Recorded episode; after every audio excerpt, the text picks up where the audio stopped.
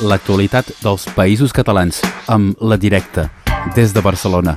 La Directa, diari digital per la transformació social. A Ràdio Arels. Establim connexió amb la Gemma Garcia. Bon dia, Gemma. Bon dia. Des de la directa. Uh, avui comencem amb un, um, amb un afer que vau uh, revelar fa, fa uns dies d'una agressió suposadament racista al País Valencià, però per part de forces teòricament de l'ordre. Exacte. Vam denunciar la setmana passada que un, un jove d'origen hondureny havia denunciat una agressió racista al País Valencià, concretament a, a, a Burgesot. Aquesta persona hauria estat agredida per un agent de policia local. Tot i que a l'inici ella la denúncia va fer constar que els agressors eren policies nacionals, es va tractar d'una confusió i la policia posterior ens va confirmar que era, que era un agent de policia local. Mm, el, el jove va interposar aquesta denúncia al jutjat de guàrdia de Paterna i a més és que l'agressió va quedar documentada per un vídeo que justament van publicar a la pàgina web que va, que va gravar un veí des del balcó de casa seva.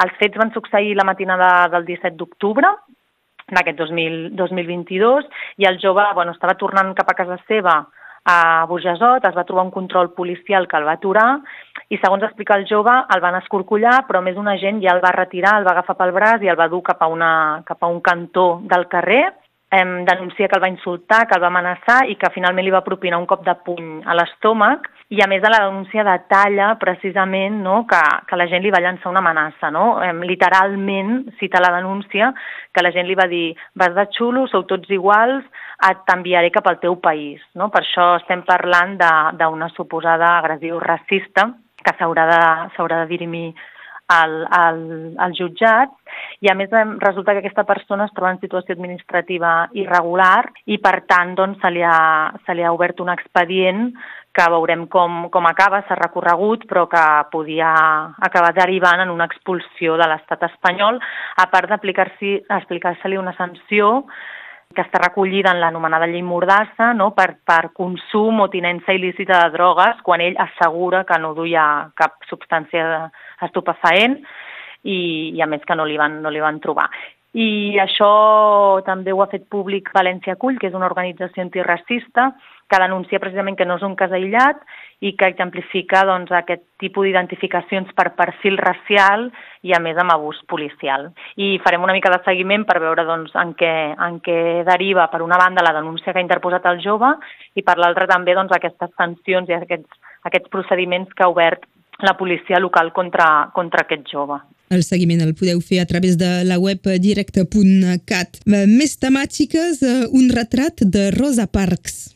Sí, canviem absolutament de tema, però sí que us volíem destacar... Oh, el racisme sí que Bueno, sí, exacte, exacte. El fil conductor sí que és el, el racisme en moments històrics molt diferents i amb casuístiques molt diferents i sí que us oferim un retrat, un perfil no, de la trajectòria de Rosa Parks, l'activista negra, que va lluitar contra la segregació racial i pels drets civils dels Estats Units, concretament des de Montgomery, a Alabama, i com ja sabeu va protagonitzar l'1 de desembre, per això ara ha fet 67 anys, l'1 de desembre de 1955, doncs aquesta resistència a no, a no canviar de seient en un autobús eh, a Montgomery i que això va suposar un punt d'inflexió en la lluita pels drets civils i l'alliberament de la comunitat negra als Estats Units, no?, dels anys 50, i va derivar en que milers de persones van començar una de les protestes no violentes més conegudes contra la segregació racial, que va ser el boicot dels autobusos.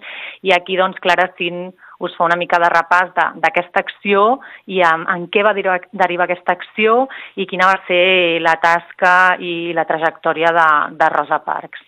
Uh, I acabarem amb uh, un article que um, també uh, va amb la campanya que feu amb Pícara, ja n'havíem parlat amb l'Ester fa, fa dues setmanes i en tornem a parlar sobre la salut i la dolor específica en malalties femenines.